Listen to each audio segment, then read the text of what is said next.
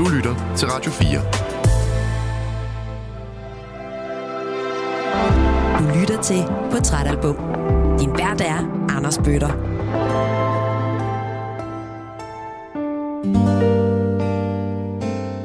Rigtig hjertelig velkommen tilbage til Portrætalbum her på Radio 4, hvor ugens gæst er skuespiller Bodil Jørgensen.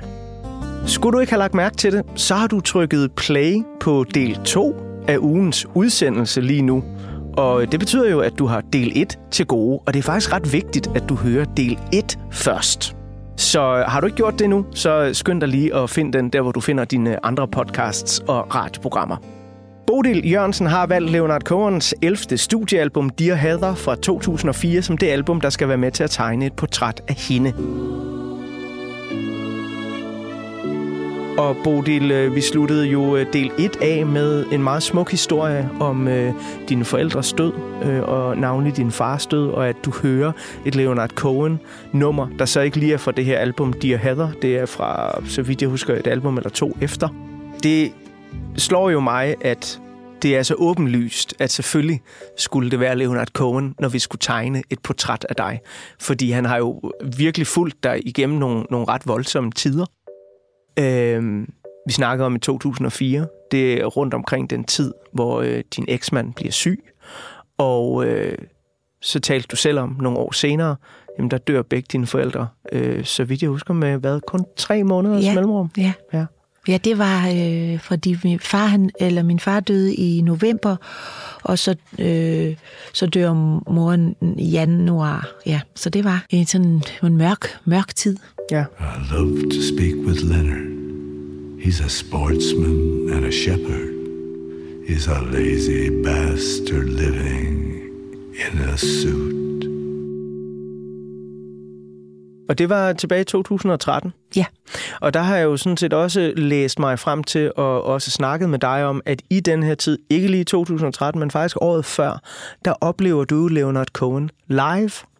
Ja. Er det din første Leonard Cohen-koncert der i 2012? Ja, det er det. Og det er vel sådan nok også din eneste? Jeg prøvede at få billet øh, her. Øh, han var nogle år tidligere i Rosenborg haven der, ja. Rosenborg Kongens Have, men der, der er noget, jeg ikke øh, få billet. Øh, og denne her gang, så købte jeg, jeg troede, jeg købte til øh, herover til Rosenborg, men øh, det viser, at jeg havde købt til Aalborg. Nej. øh, men øh, så måtte vi køre derop, og så overnattede vi faktisk på, på Hvidsten Kro. Og så, øh, så kørte vi op og hørte ham. Og så har det jo været sådan en helt lille det var pilgrimsrejse. En, ja, det var en helt lille pilgrimsrejse.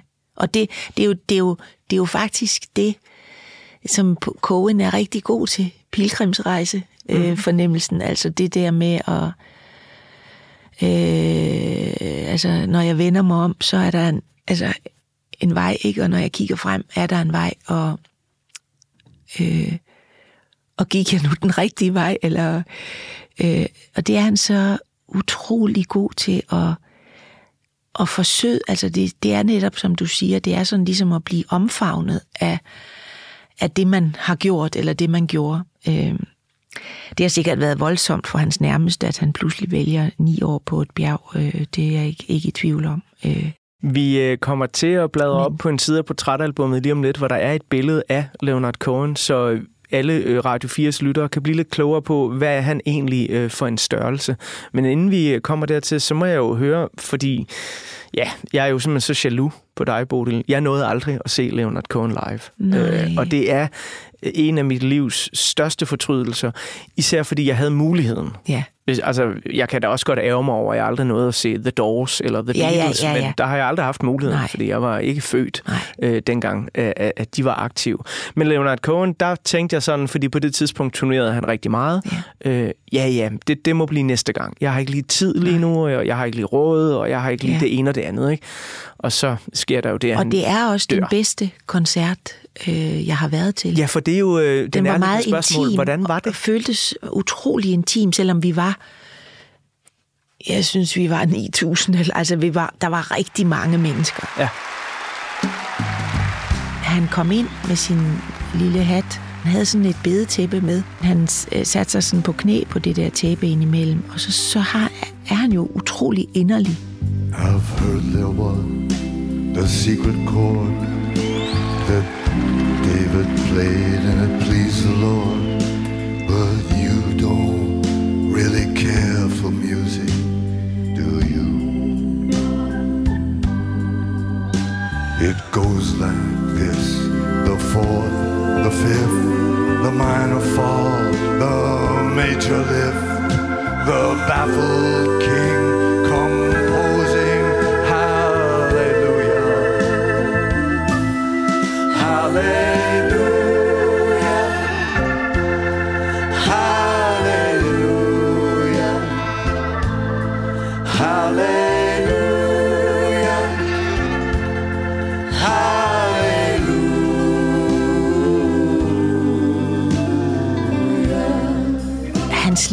som om, han synger om sit liv, øh, sådan at, øh, at det kommer til at betyde noget for os alle sammen. Altså, at det liv, øh, det er satans liv, ikke? Altså, det, det synger han om på en øh, måde, der, der, der, kan, der når sådan kollektivt ud, øh, synes jeg virkelig. Øh, og, og han, øh, fordi når du nu for eksempel, du nævnte noget lige at nævne Sivas, som jeg, jeg har boet på Nørrebro i 20 år, og man, man får jo sådan nogle øh, idoler eller undervejs i sit liv. Det havde Cohen også, øh, og han hylder dem faktisk utrolig meget i den her Dear Heather.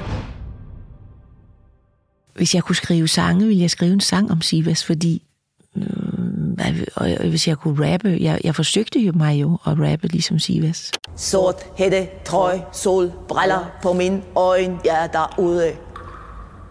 Derude. Jeg ser, kan ikke mærke mit fucking fjes. Jeg siger, kan ikke mærke mit fucking fjes. Jeg siger, kan ikke mærke mit fucking fjes. Derude. Bodil, jeg øh, bliver simpelthen nødt til som, som musikformidler at fremhæve det helt fantastiske i, at du meget, meget let lige har bygget en lille bro, øh, en lille gangsti fra Leonard Cohen til Sivas. altså, der er rent musikalsk er der virkelig langt, men dine øjne stråler jo, når du taler om, om Sivas. Ja.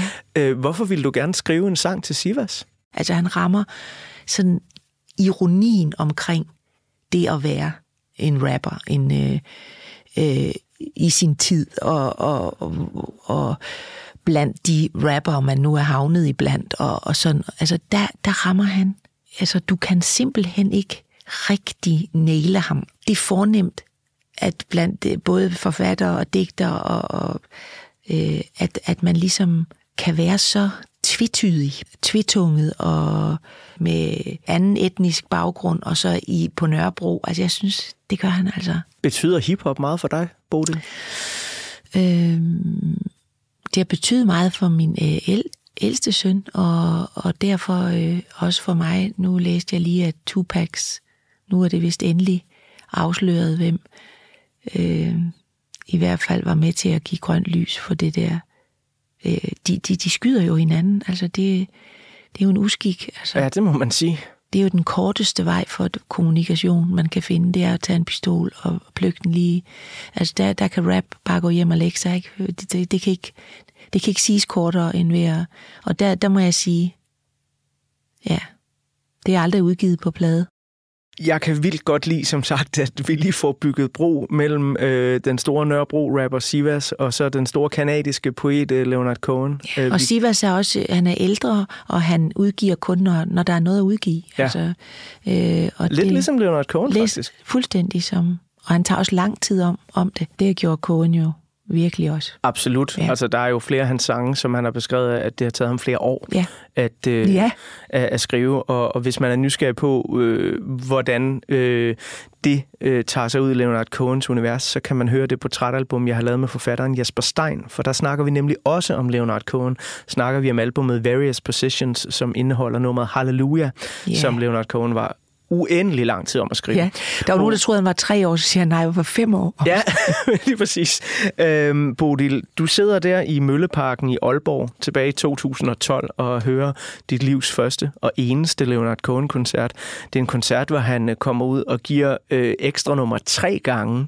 Jeg har fundet setlisten tilbage fra den gang, og der er 31 numre på den. Ah, men i alt. det er, altså, Du, du sidder med armene op over hovedet. jamen det, det var en fantastisk det var, oplevelse. Altså det der, at, øh, altså det var jo en ældre mand, at han, ingen, han havde de der kræfter, der skulle til for at, at øh, Altså, han var bare til stede Ja. ja. deroppe i Aalborg, altså fuldstændig med sit publikum, og han kunne høre, at vi lyttede, og man skulle ikke klappe meget, for at han var tilbage. Altså, ingen kostbarhed, ingen... Nej, det var... Det vidner jo om, at man virkelig har haft lyst til at være der, og jeg, jeg synes, at øh, det nu er øh, et passende tidspunkt, når nu du har været til en Leonard Cohen live-koncert og giver så flotte beskrivelser af den, at vi øh, lige skal vende øh, et live-nummer, der jo er på Dear Heather. Ja. Det aller sidste nummer, Tennessee Waltz, er en optagelse fra Montreux Jazz Festival 1985. Og det er et af de numre, som du fremhævede, da jeg skrev en sms i går og spurgte dig sådan, Bodil, Ja. hvad skal vi høre? Ja. Hvad kan du godt lide?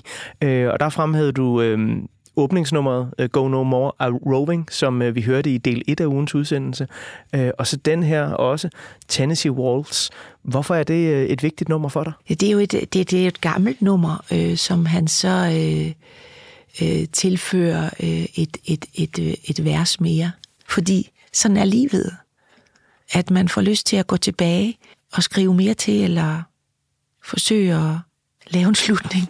Man kigger ind bag ved noget, og man har lyst til at trække det der gardin væk, og det der gardin væk. Og, og det er han så god til at, at beskrive, at, øh, at afdække for en.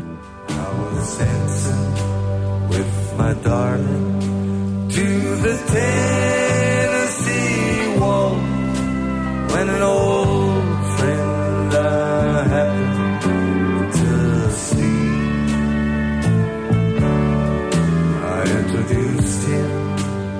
my darling, and while they dancing, my friends stole my sweetheart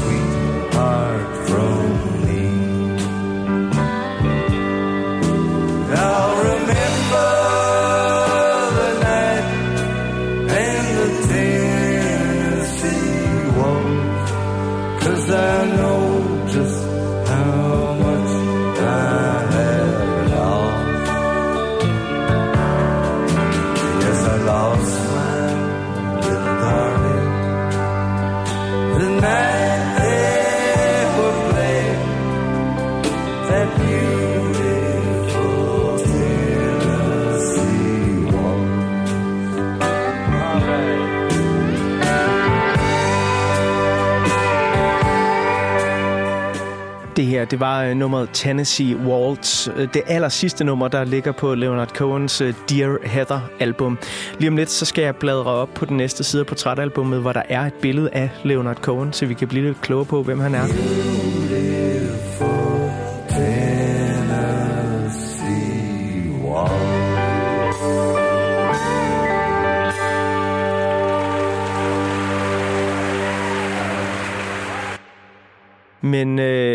Et øh, spørgsmål melder sig, fordi Leonard Cohen har jo fulgt dig igennem det meste af dit liv, og de år, vi snakker om her, der bliver han jo en form for ja, varm støtte i nogle svære tider. 2004, hvor albummet udkommer, der bliver din eksmand syg. Da du ser koncerten med ham i Aalborg i 2012, jamen, så går der ikke længe, så mister du faktisk begge dine forældre. Nummeret Going Home bliver meget centralt. Så man kan jo sige, at, at Leonard Cohen er på en måde en, en ven og en støtte i dit liv.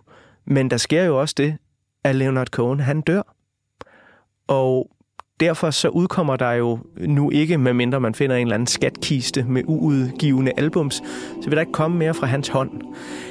Hvordan øh, reagerede du, øh, da han døde? Blev du trist? Blev du overrasket? Blev du vemodig? Altså, jeg havde godt øh, læst, øh, at han var, han var syg, og øh, øh, der ligger et, et, et af de sidste interviews med ham også, hvor, hvor, man også, hvor han også lige begynder at snakke om det der med, med Trump og den der øh, uhyggelige, øh, hvad skal man kalde det, nye kristne måde at kigge på, altså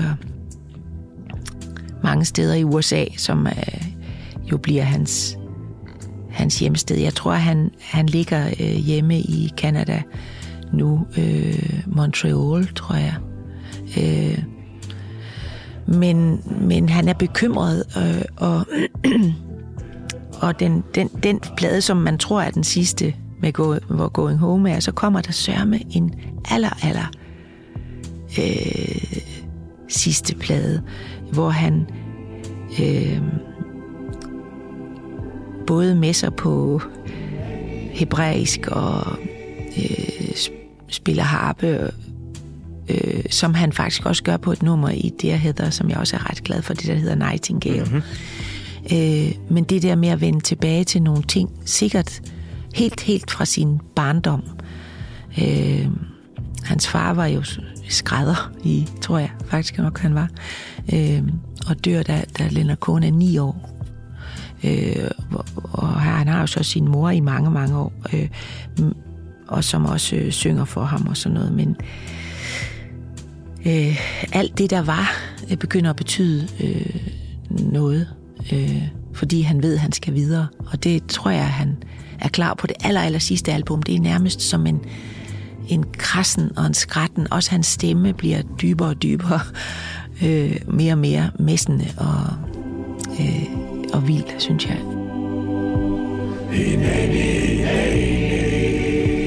I'm ready, my lord. Men hvordan, altså da Leonard Cohen dør, øh, jeg, er jo, jeg er jo sådan lidt nysgerrig på, om du, om du bliver trist, fordi jeg har jo selv prøvet det her med at, at miste et stort idol. Øh, David Bowie og Leonard Cohen dør samme år. Øh, David Bowie han dør i januar 2016, og jeg følte det simpelthen som et slag i maven, øh, som om jeg, jeg havde mistet en, en ven. Ja, det, det var, Øh, jeg kan fordi- huske, jeg hørte det i bilen. Ja. Og jeg var også nødt til at køre ind til siden, for altså, det kunne ikke være rigtigt der med, med Bowie. Også fordi han var jo kun 69, og man tænkte alligevel. Og han havde gået så øh, utrolig stille med det. Ja. Øh, men han overskyggede, han tog meget af døden på sig. Altså også ind over øh, Cohen når alligevel at blive 82. Jo. Og, og øh, øh, men hans dødsrallen på den sidste plade der, er også noget af det smukkeste. Altså Men blev du Cohens- ked af det, da han døde? Ja, utro, virkelig. Øh, jeg, jeg vil så gerne... Øh, jeg tror, at det er min mand, der siger, altså, Cohen, han er sådan en, man ikke skal lade sin, kone være alene med. altså, man havde jo gerne mødt ham og, og, og fået, fået talt om øh, de der store ting øh, i livet, men, øh, men der er jo rigeligt at hente i hans sangskat. Øhm, Hvis øh, du nu skulle møde en af dine gode kolleger, Sofie Gråbøl derude, så kan du en dag øh, spørge hende, hvordan det er at møde Leonard Cohen, øh, for det har hun prøvet. Jeg ved ikke, om vi nåede om det, da hun var herinde i Portrætalbum, for faktisk at snakke om David Bowie. Ja. Men, men Sofie Gråbøl har fortalt mig en herlig historie om, at hun møder Leonard Cohen ude backstage en gang. Øh, og øh, det, hun husker bedst fra det, det var, at hun kom til at sidde på hans jakke. Og der var ikke nogen, der kunne finde Leonards jakke. Nej. Og alle for rundt og sådan, have Nej. you seen Leonard's jacket? Have you seen Leonard's jacket? Og så må Sofie Gråbøl øh, pinligt Nej. rejse sig op og sige, øh, I'm nej, sitting on det skal it. jeg, Ja, prøv at spørge hende om det. det skal jeg spørge hende om. Jeg tror også, hvis jeg var kommet til at gå forbi ham på gaden, Ja. så ville jeg ikke have, så ville jeg bare have nyt øh, synet og, og gået videre. Var også en flot mand. Det var han. Bodil, jeg har øh, sådan, øh, hvad, hvad, hvad skal vi sige, øh, taget tilløb til det noget tid og bladret op på den næste side på portrætalbummet, så det synes jeg, vi skal øh, gøre nu. Fordi vi skal finde ud af, øh, hvad for en størrelse Leonard Cohen er som kunstner, også for de Radio 4-lyttere, der måske ikke kender ham øh, så godt. Og øh, vi skal se på et portræt af ham, hans karriere, og, øh, og så også det album, du har valgt, Dear Heather, som for nogle fans og anmeldere er sådan et ret forvirrende album. Men inden vi kommer til det her lille øh, portræt, så skal vi have et øh, nummer fra albumet, som har jo et helt særligt instrument, som jeg ved, du har bidt mærke i, fordi vi skal nemlig høre Nightingale. Og Cohen, han har jo gennem sin karriere brugt jødeharpen som sådan et ret gennemgående instrument i nogle af sine fortællinger. Det er jo ikke sådan, at hans musik er plastret ind i jødeharpe overhovedet, men den er sådan rimelig central øh, som sådan en hilsen til hans jødiske ophav. Hvorfor er det, at lige lyden af, af jødeharpe og nummeret Nightingale betyder noget særligt for dig? Altså, det, den, den der lyd, øh, som, som den frembringer, den der harpe, øh, er også indadvendt på en eller anden måde. Øh, og, øh, og det der med øh, nattergalen, som hører øh, natten til, som er en af de eneste fugle, der synger om natten. Øh, ellers holder alle fugle jo op, når solen går ned. Så er der ikke en... Men den der nattergal, er i øvrigt et utroligt smukt ord. Øh, og så elsker jeg jo øh, H.C. Andersens fortælling om nattergalen med den kunstige lyd og den rigtige lyd. Det er den der indadvendthed, som altså virkelig savner i vores øh, modern living øh, at kigge indad. Det, det er jo en vild tid, denne her teknologiske tidsalder, vi lever i, hvor alt handler om at spejle sig, ikke? Øh, spejle sit eget liv ned i den der lille bitte skærm, som jo er blevet den største splint, vi har fået i øjet siden, øh, ja, siden snedronningens øh, lille kaj, han, han får troldspejlet i, i øjet. Det er sådan et, et, et troldspejl, og der er den der inderlighed og hengivenhed, som øh, jeg synes, den der harpe musik har. Men det kan man høre, når man hører det. I built my house beside the wood so I could hear you singing. And it was sweet and it was good and love was all beginning. Fare thee well, my nightingale. 'Twas long ago I found you. Now all your songs of beauty fail closes round.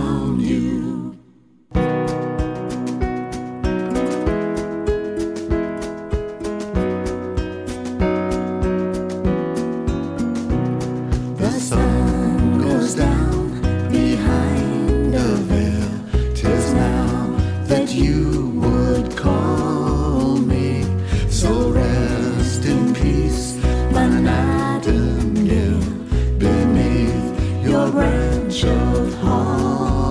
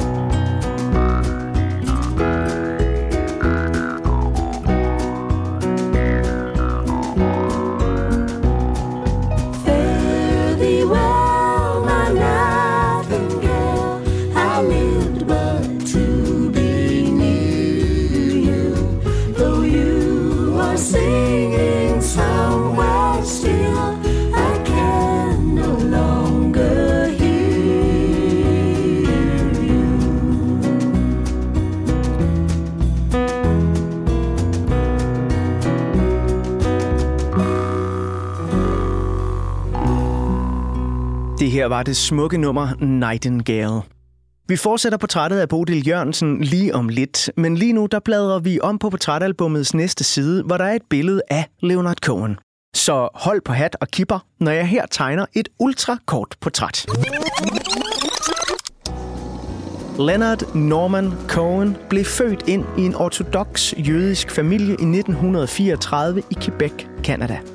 Hans forældre gav ham det hebraiske navn Elisa, der betyder Gud hjælper. Cohens jødiske ophav, forholdet til Gud og hans fars død, da han var ni år gammel, kommer til at præge både hans litteratur og senere hans sange. Men den unge Leonard drømmer ikke om at blive rockstjerne. Han vil være forfatter. Op igennem 50'erne og 60'erne udgiver han en håndfuld digtsamlinger, der desværre ikke gør det helt store væsen af sig. Men i 1966 sker der en række vigtige ting, som sætter skub i Cohens karriere. Han udgiver bogen Beautiful Losers og bliver inviteret i kanadisk tv. Men Cohen er ikke kun kommet for at tale om sine ord. Han har også taget en guitar med og spiller nummeret The Stranger Song. It's true that all the men you knew were dealers who said they were through with dealing every time. you gave them shelter. I know that kind of man. It's hard to hold the hand of anyone who's reaching for the sky just to surrender. Det er også i 1966, at Cohen skriver sangen Suzanne, som han sælger videre, så andre kunstnere kan indspille den. Og det gør sangerinden Judy Collins. Hendes version bliver et hit, og hun inviterer Leonard Cohen til en stor fundraiser, hvor blandt andre Jimi Hendrix også deltager. Her der spiller Leonard Cohen modvilligt sin egen version af Suzanne. Han er ikke tilfreds med hverken sangen eller sin egen stemme, og derfor så stopper han halvvejs i nummeret og forlader scenen. Men folk, de er alle vilde med Cohens inderlige fortælling, så de klapper og hujer og forlanger, at han kommer tilbage på scenen. Judy Collins går backstage og henter den sky poet og lover at hjælpe ham igennem resten af sangen. Susanne bliver fremført som en duet, og Leonard Cohens musikkarriere er officielt skudt i gang. And you want to travel with her, and you want to travel blind, and you know she can trust you, for you've touched her perfect body with your mind. Igennem 1960'erne hænger Leonard Cohen ud i kunstneren Andy Warhols The Factory, hvor han ifølge Warhol bliver inspireret til sin videre rejse ind i musikken. Debutalbummet udkommer i 1967, det er også der, han flytter til USA, og her der udgiver han så et album cirka hvert andet år frem til 1979, hvor albumet Recent Songs markerer en tilbagevenden til den akustiske musik, efter at han har slået en ordentlig skævert af et svingærne sammen med produceren Phil Spector på albumet Death of a Ladies Man. Frankie Lane, he was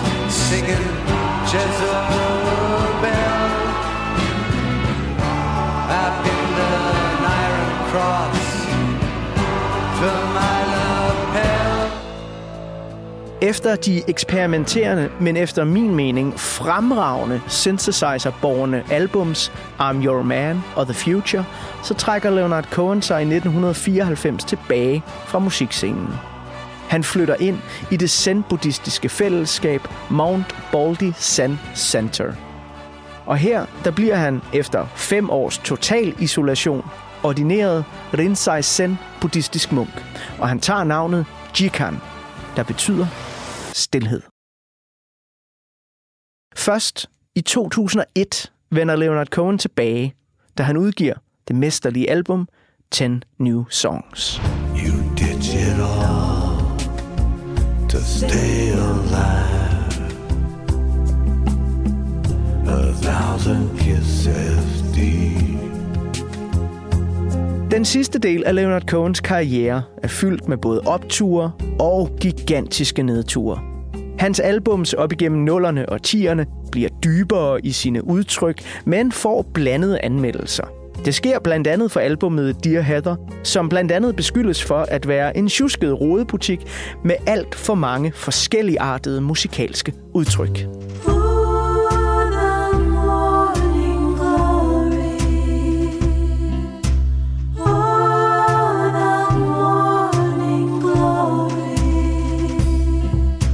Og Dear Heather er da også et album, som består af både nye og gamle idéer.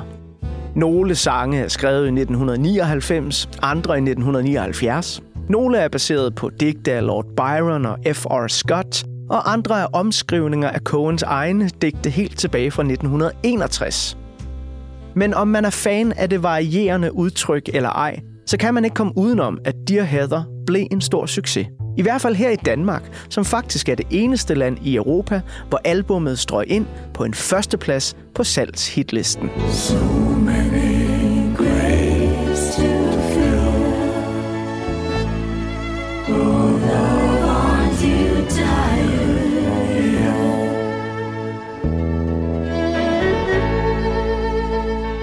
I Leonard Cohens sidste år kommer det frem, at han har været offer for massiv økonomisk svindel. Og svindleren var til og med hans nære ven og manager Kelly Lynch. Hun havde siden 1996 solgt Cohens sange til forskellige publiceringsagenturer, uden at spørge Cohen om lov. Hun brugte næsten hele hans pensionsopsparing og drænede alle hans fonde for stort set alle likvide midler. Cohen var naturligvis knust over at opdage, at han var blevet snydt. Og selvom han havde trukket sig tilbage fra livet som koncertmusiker, så blev han på grund af massive finansielle problemer nødt til at tage på en række omfattende verdensturnéer.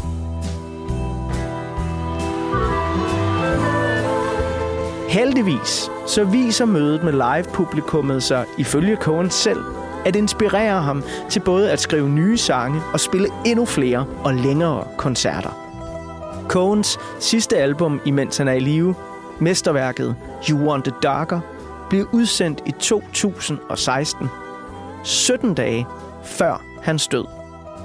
Og jeg glemmer aldrig at modtage den triste nyhed om hans død, og efterfølgende høre disse linjer fra hans sidste album. If you are the dealer, let me out of the game. If you are the healer, I'm broken and lame. If thine is the glory, mine must be the shame. You want it darker.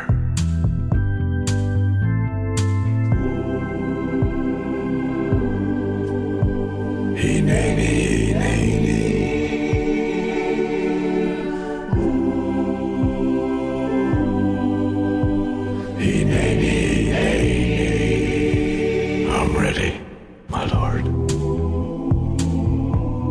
Leonard Cohen blev 82 år gammel og nåede i hans levetid at skrive nogle af de smukkeste sange om tro, tvivl, depression, tab, livets forgængelighed, kærlighed og fortrydelse. Et eksempel på dette finder man på Dear Heather-albummet. På sangen The Letters lyder det blandt andet The wounded forms appear, the loss, the full extent, and simple kindness here, the solitude of strength. You walk into my room, you stand there at my desk. Begin your letter to the one who's coming next. The wounded forms appear. The loss, the full extent, and simple kindness solitude of strength. I said there'd been a flood. I said there's nothing left. I hope that you would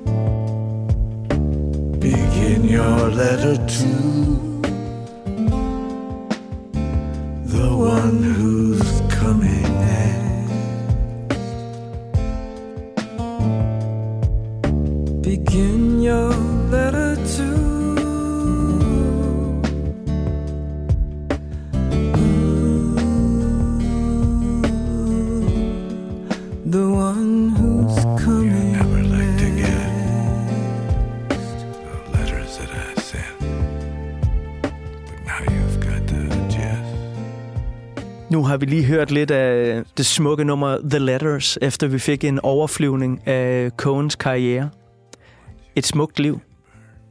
Ja, og det er nemlig, det, det er meget koensk, det der, at, at stå midt i noget, noget der går væk fra en, og, og så håbe på, at altså, der, der er altid det der håb. Ja, ja der er håb i Leonard Cohen. Ja, og det, det øh, vil jeg give dig fuldstændig ret i, fordi det er sådan en...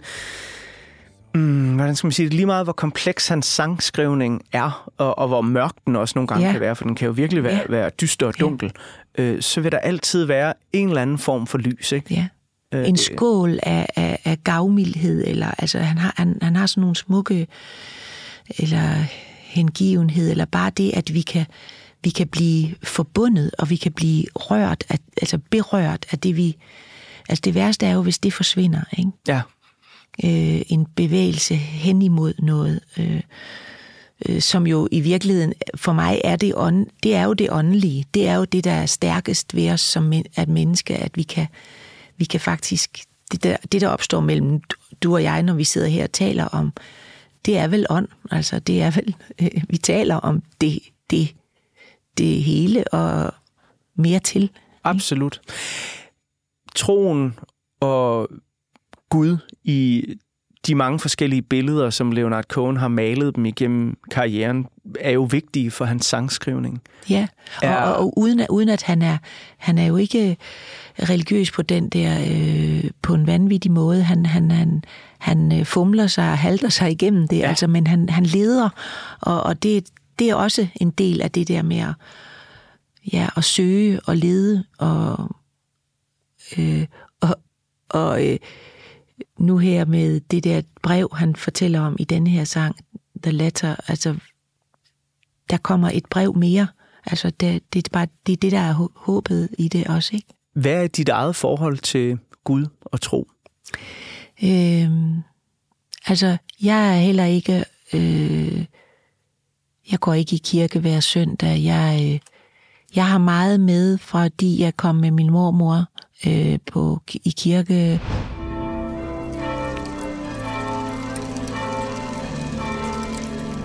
Vi cyklede hjemmefra søndag morgen, og jeg sad bag på hendes øh, gamle sorte cykel, og vi cyklede op, og hun skiftede sko til sin orgelsko. Og så sad jeg op under orglet og kiggede ned på menigheden gennem træmmerne der, og, og sang de der salmer.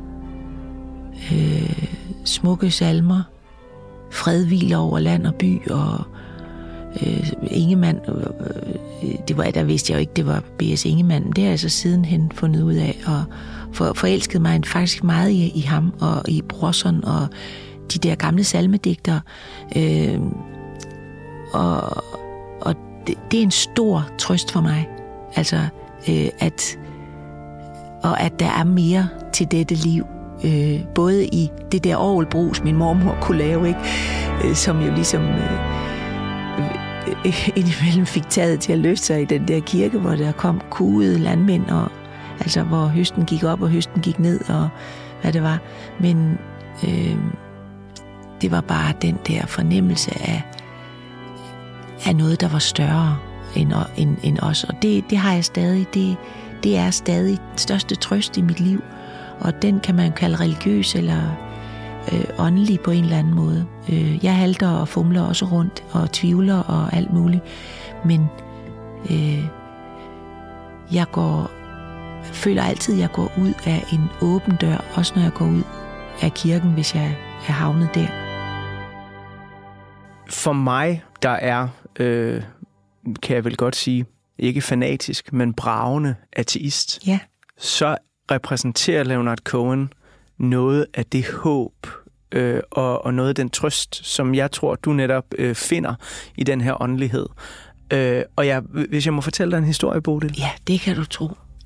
Jeg, kan- altså, jeg tror, mit det tætteste, jeg har været på en, en hvad skal vi sige, stor religiøs oplevelse, åndelig oplevelse, øh, er i øh, begyndelsen af nullerne. Jeg har lige tilbragt to år på en international skole i Indien.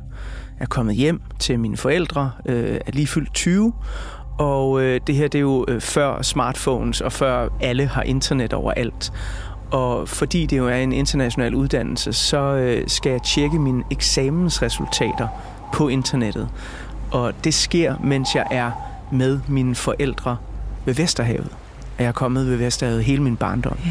Det her store brusende, der jo netop kunne minde om din mormors orgelbrusen, ikke?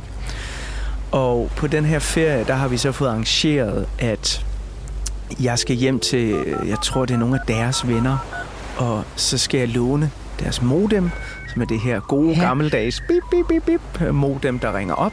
Og så skal jeg ligesom se, hvordan er det gået med min eksamen. Og det er min tredje G-eksamen, det her, ikke? Og jeg finder jo så ud af der ved Vesterhavets brusen, imens det rusker og regner udenfor, at jeg har dumpet gymnasiet. Og der sidder jeg så mange, mange tusind kilometer væk fra Indien, væk fra mine venner, væk fra skolen, øh, sammen med min mor og far, der jo på det tidspunkt nok ikke helt forstår så meget af, hvad der foregår inde i knolden på en 20-årig dreng, der lige har, har været væk i to år. Øh, og jeg bliver simpelthen så, så frustreret og så øh, ked af det, at jeg rejser mig og udvandrer. Lad min øh, kæreste fra Belgien, som jeg har slæbt med til Vesterhavet, blive derhjemme hos min mor og far. Og så går jeg ellers øh, ned på stranden til de kæmpe brusende bølger. Og for første gang i mit liv tror jeg ikke, jeg har nogen retning. Jeg går bare, og jeg går langt. Jeg går rigtig langt. Og det eneste, der rumsterer op i mit hoved af musik, er Leonard Cohens nummer Last Year's Man. Fordi det er en af mine favoritsange, øh, og jeg synes, det nok har nogle af de stærkeste øh, religiøse beskrivelser og ord. Der er sådan øh, en sætning, hvor han siger, I came upon a wedding that old families had contrived. Bethlehem the bridegroom, Babylon the bride. Great Babylon was naked. Oh, she stood there trembling for me. And Bethlehem inflamed us both like the shy one at some orgy. I came upon a wedding that old families had contrived. Bethlehem, the bridegroom, Babylon, the bride. Great Babylon was naked, oh, she stood there trembling for me. And Bethlehem inflamed us both like the shy one at some orgy. Bang! Leonard Cohen, og de her sætninger gik jeg simpelthen og råbte ud over det her Vesterhav, der bare brusede, og jeg fandt ud af, hvor enormt lille jeg var. Ja. Rejst hele vejen fra Indien til mit barndommens Vesterhav for at finde ud af, at jeg havde fejlet, havde dumpet gymnasiet. Men Leonard Cohen var stadigvæk med mig, og øhm, jeg tror, jeg nåede hele vejen til Klit Møller. Meget, meget lang gåtur. Øh, og så kom jeg sådan lidt til hægterne og, og tænkte, jeg må egentlig nok hellere se at komme hjem, for jeg har været væk i mange timer, og jeg har ikke sagt, hvor jeg går hen, før mobiltelefonen, eller før jeg havde en mobiltelefon i hvert fald. Øh, og så mødte jeg en, øh, en fisker, der gav mig øh, et lift, og han spurgte, om jeg havde været nede og bade. Øh, og så kører vi hjem der øh, mod det her sommerhus, og og jeg siger til ham, øh, nej, jeg har ikke været nede og bade. Øh, jeg har gået og sunget Leonard Cohen. Øh, og så siger han til mig, at han er også god. Han er rigtig god. Ej, Anders, Men det Bodil- En fantastisk historie. Også, altså, øh, det er jo også øh, Coens, det der. Det er jo en form for, for, for, for renselse, du er igennem der, ikke? Jo. Altså, kan man sige, på den der gåtur. Og netop hvor, hvor altså, det tænker man også med de, de unge i dag, hvor det der med at gå så meget op i, hvad de skal, og hvad, hvad de vil, og hvor de får, hvad de får af karakterer, og det, det andet, den der oplevelse, altså slår jo det hele mm. i virkeligheden, ikke? Jo, Og, og absolut. blive renset altså for alt det. Og der har han jo haft den der særlige gave, Cohen, at han kunne øh, skrive det ned. Øh, altså øh, også hans øh, failures, ikke? Jo, lige præcis. Og, og det er jo, øh, øh, synes jeg, øh, noget af det, hvor altså, tit når folk spørger mig, er du troende, så, så siger jeg meget skråsikkert nej, det er jeg ikke. Men jeg kan jo heller ikke undsige mig at være en, en del af noget, som jeg godt selv kan mærke er større. Og det var jo det, jeg mærkede dernede Ja. ved Vesterhavet. Ja. Øh, om det så bare var naturen og havet og den her, som du beskrev den i del 1 af ugens udsendelse, skønne, skønne planet, vi jo er en del af. Øhm, det ved jeg ikke, men, men jeg, jeg husker det i hvert fald som sådan en meget rammende øjeblik. Øhm, jeg så engang et øh, portræt af dig, Bodil, på TV2 Charlie, der hed Man ved aldrig med i morgen, hvor øh, jeg tror, I snakkede om, hvad der skulle stå på din gravsten engang. Og øh, der sagde du, øh, det skal være ordene frygt ikke, tro kun. Det er virkelig nogle flotte ord.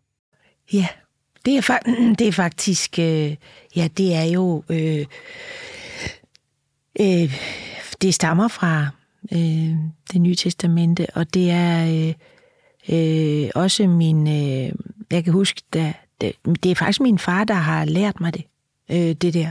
Øh, og det, det har jo betydet meget for mig igennem, fordi jeg, jeg har jo været ude for nogle ulykker øh, gennem livet, altså sådan nogle lidt, lidt voldsomme, man tænker, det var da mærkeligt, at jeg lige skulle, skulle løbe ind i det og det og det øh, tre gange, ikke? Øh, og hvor den sidste gang jo var den voldsomste. Men det der med, det er jo kun fire ord, ja. Ja. Øh, øh, man kan høre Cohen synge dem på en måde. Fear not. Øh, altså man kan, man kan, det er, det er så en, enkelt, og, og samtidig så, så er det øh, noget, man, det, det peger både tilbage og frem. Øh, det peger øh, øh, i særdeleshed frem. Og Du- det har jeg jo, når jeg har ligget der og, og været øh, slået til pindebrænde, eller hvad det hedder, så har det været rigtig godt. Øh, Du har jo haft flere af de her nærdød oplevelser igennem øh, dit liv. Den seneste, så vidt jeg ved i hvert fald, i 2014, øh, hvor Ja. du kommer til skade med en øh, traktorulykke på et filmsæt. Hvad synes du selv, det har givet til dit liv, at du har været så tæt på døden? Ja, altså, jeg, jeg plejer at- at være så stor i slaget og prale lidt med, at det ville jeg nødig have været for uden, altså efterhånden, fordi øh, Øh, jeg kiggede jo ind i et mørke, som vi, vi ikke... Øh, jo, måske da vi kom til verden, der var jo dog lys ude for enden, øh, da vi ligesom blev født, men da vi, da vi skulle komme ud af, af moders liv, men, men øh, det mørke, man... Og, altså, jeg havde egentlig forestillet mig, at der ville være lys og nogle trompeter og lidt engle måske, eller en stige, jeg skulle op af, eller... Men det føltes bare, at det var mørkere og mørkere og dunkende mørkt. Og så er det, jeg oplever det der med, at Gud er i mørket. Det er jo der, jeg skal hen. Og, og det er jo der, alt trøst er. Og ligesom når øh, verden går i, i stumper og stykker, så, så er det der, Gud er. Øh, og, og det er klart, fordi det er der... Øh, og det var jo en tro, det var jo noget, jeg, det er jo noget, man skal tro på. Altså, øh, det er jo noget, der sker op i hovedet på en. Øh, Øh, jeg ved ikke, hvordan sådan noget sker. Det er jo ikke noget, man kan overbevise andre om, at de skal tro på, men, men og det kan være, der er lys næste gang, det ved jeg ikke, men det var en stærk erfaring, jeg fik der, at, at, øh, at det skulle jeg ikke. Og så, det var ikke sådan, det gik bedre fra dag af, men fra dag af slap jeg alt. Jeg stod, følte, jeg stod med i hænderne, som jeg ikke havde styr på. Altså, hvad skal der ske med det hele, og hvad med dem, og hvad skal der, og fik jeg nu levet det liv, jeg skulle, og bla, bla, alle de ting. Så, så var det som om, at øh, jeg bare gå derind, bare gå derhen. Hvad, var det, hvad er det, Leonard Cohens sidste plade hed? Et, You want it darker. You Want It Darker, ja. Ja, han søgte jo også et ja. eller andet sted, altså... Øh, Ja, mod mørket øh, i, i sin Gud, selvom han jo også er manden, der har formuleret de fantastiske øh, sætninger. Øh, There's a crack in everything. Ja. That's how the light gets in. Sind, ja. Det er fuldstændig smukt, altså rigtigt. There is a crack, a crack in everything. That's how the light gets in. Og der var lyset for mig jo, at Gud var i mørket.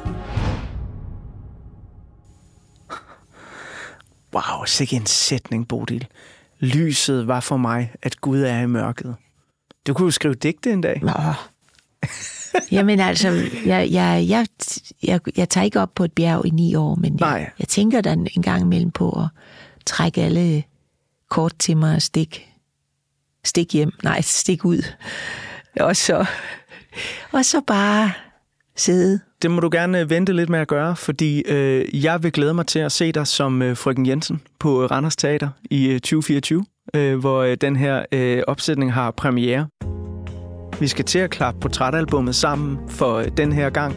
Det har været en kæmpe stor fornøjelse at have selskab øh, af dig her, øh, og mærke også dit nærvær og øh, din tilstedeværelse. Øh, og tak for at tage et Leonard Cohen-album med herinde i studiet, som er begyndt at betyde rigtig meget for mig nu, fordi det er sådan, det krøbet godt ind under huden på mig de seneste par uger. Hvor dejligt. Altså, det, det har været dejligt at være her. Hold da op. Det var næsten som om, nu er der to stole i- mere i studiet. Han skal jo kun bruge én kogen, men altså, det var da næsten som om, at der var, han var øh, i hvert fald svævende. Det var han, lige præcis. Og jeg har jo for vane, når jeg øh, slutter programmerne her, at, at slutte med, med musikken øh, i højsædet. Og øh, der er ligesom to numre, jeg synes, der kunne være flotte at gå ud på. Enten så skal det være det nummer, der hedder There For You, eller også så skal det være et af de numre, som øh, du har peget på, titelnummeret Dear Heather. Ja, Dear Heather er også sådan et, øh, bare øh, altså et, et, øh, øh, et, et, et kiggen tilbage på, som det var. Altså, øh, du, du kommer hen imod mig med, med et glas i din hånd, eller øh, øh, ja, det, det, altså, og det er ikke, man kan høre, det, det er ikke sådan mere. Men, Nej. men jeg, den der There For You, den, den er, der, han har i hvert fald været der for mig, øh, Cohen. Men er det så ikke lige ved, det den, vi skal tage? Det synes jeg. Tak, Bodil. Og tusind mange gange tak, fordi du var så øh, generøs med både dig selv og dit forhold til musikken her i Portrætalbum. Selv tak. when it all went down and the pain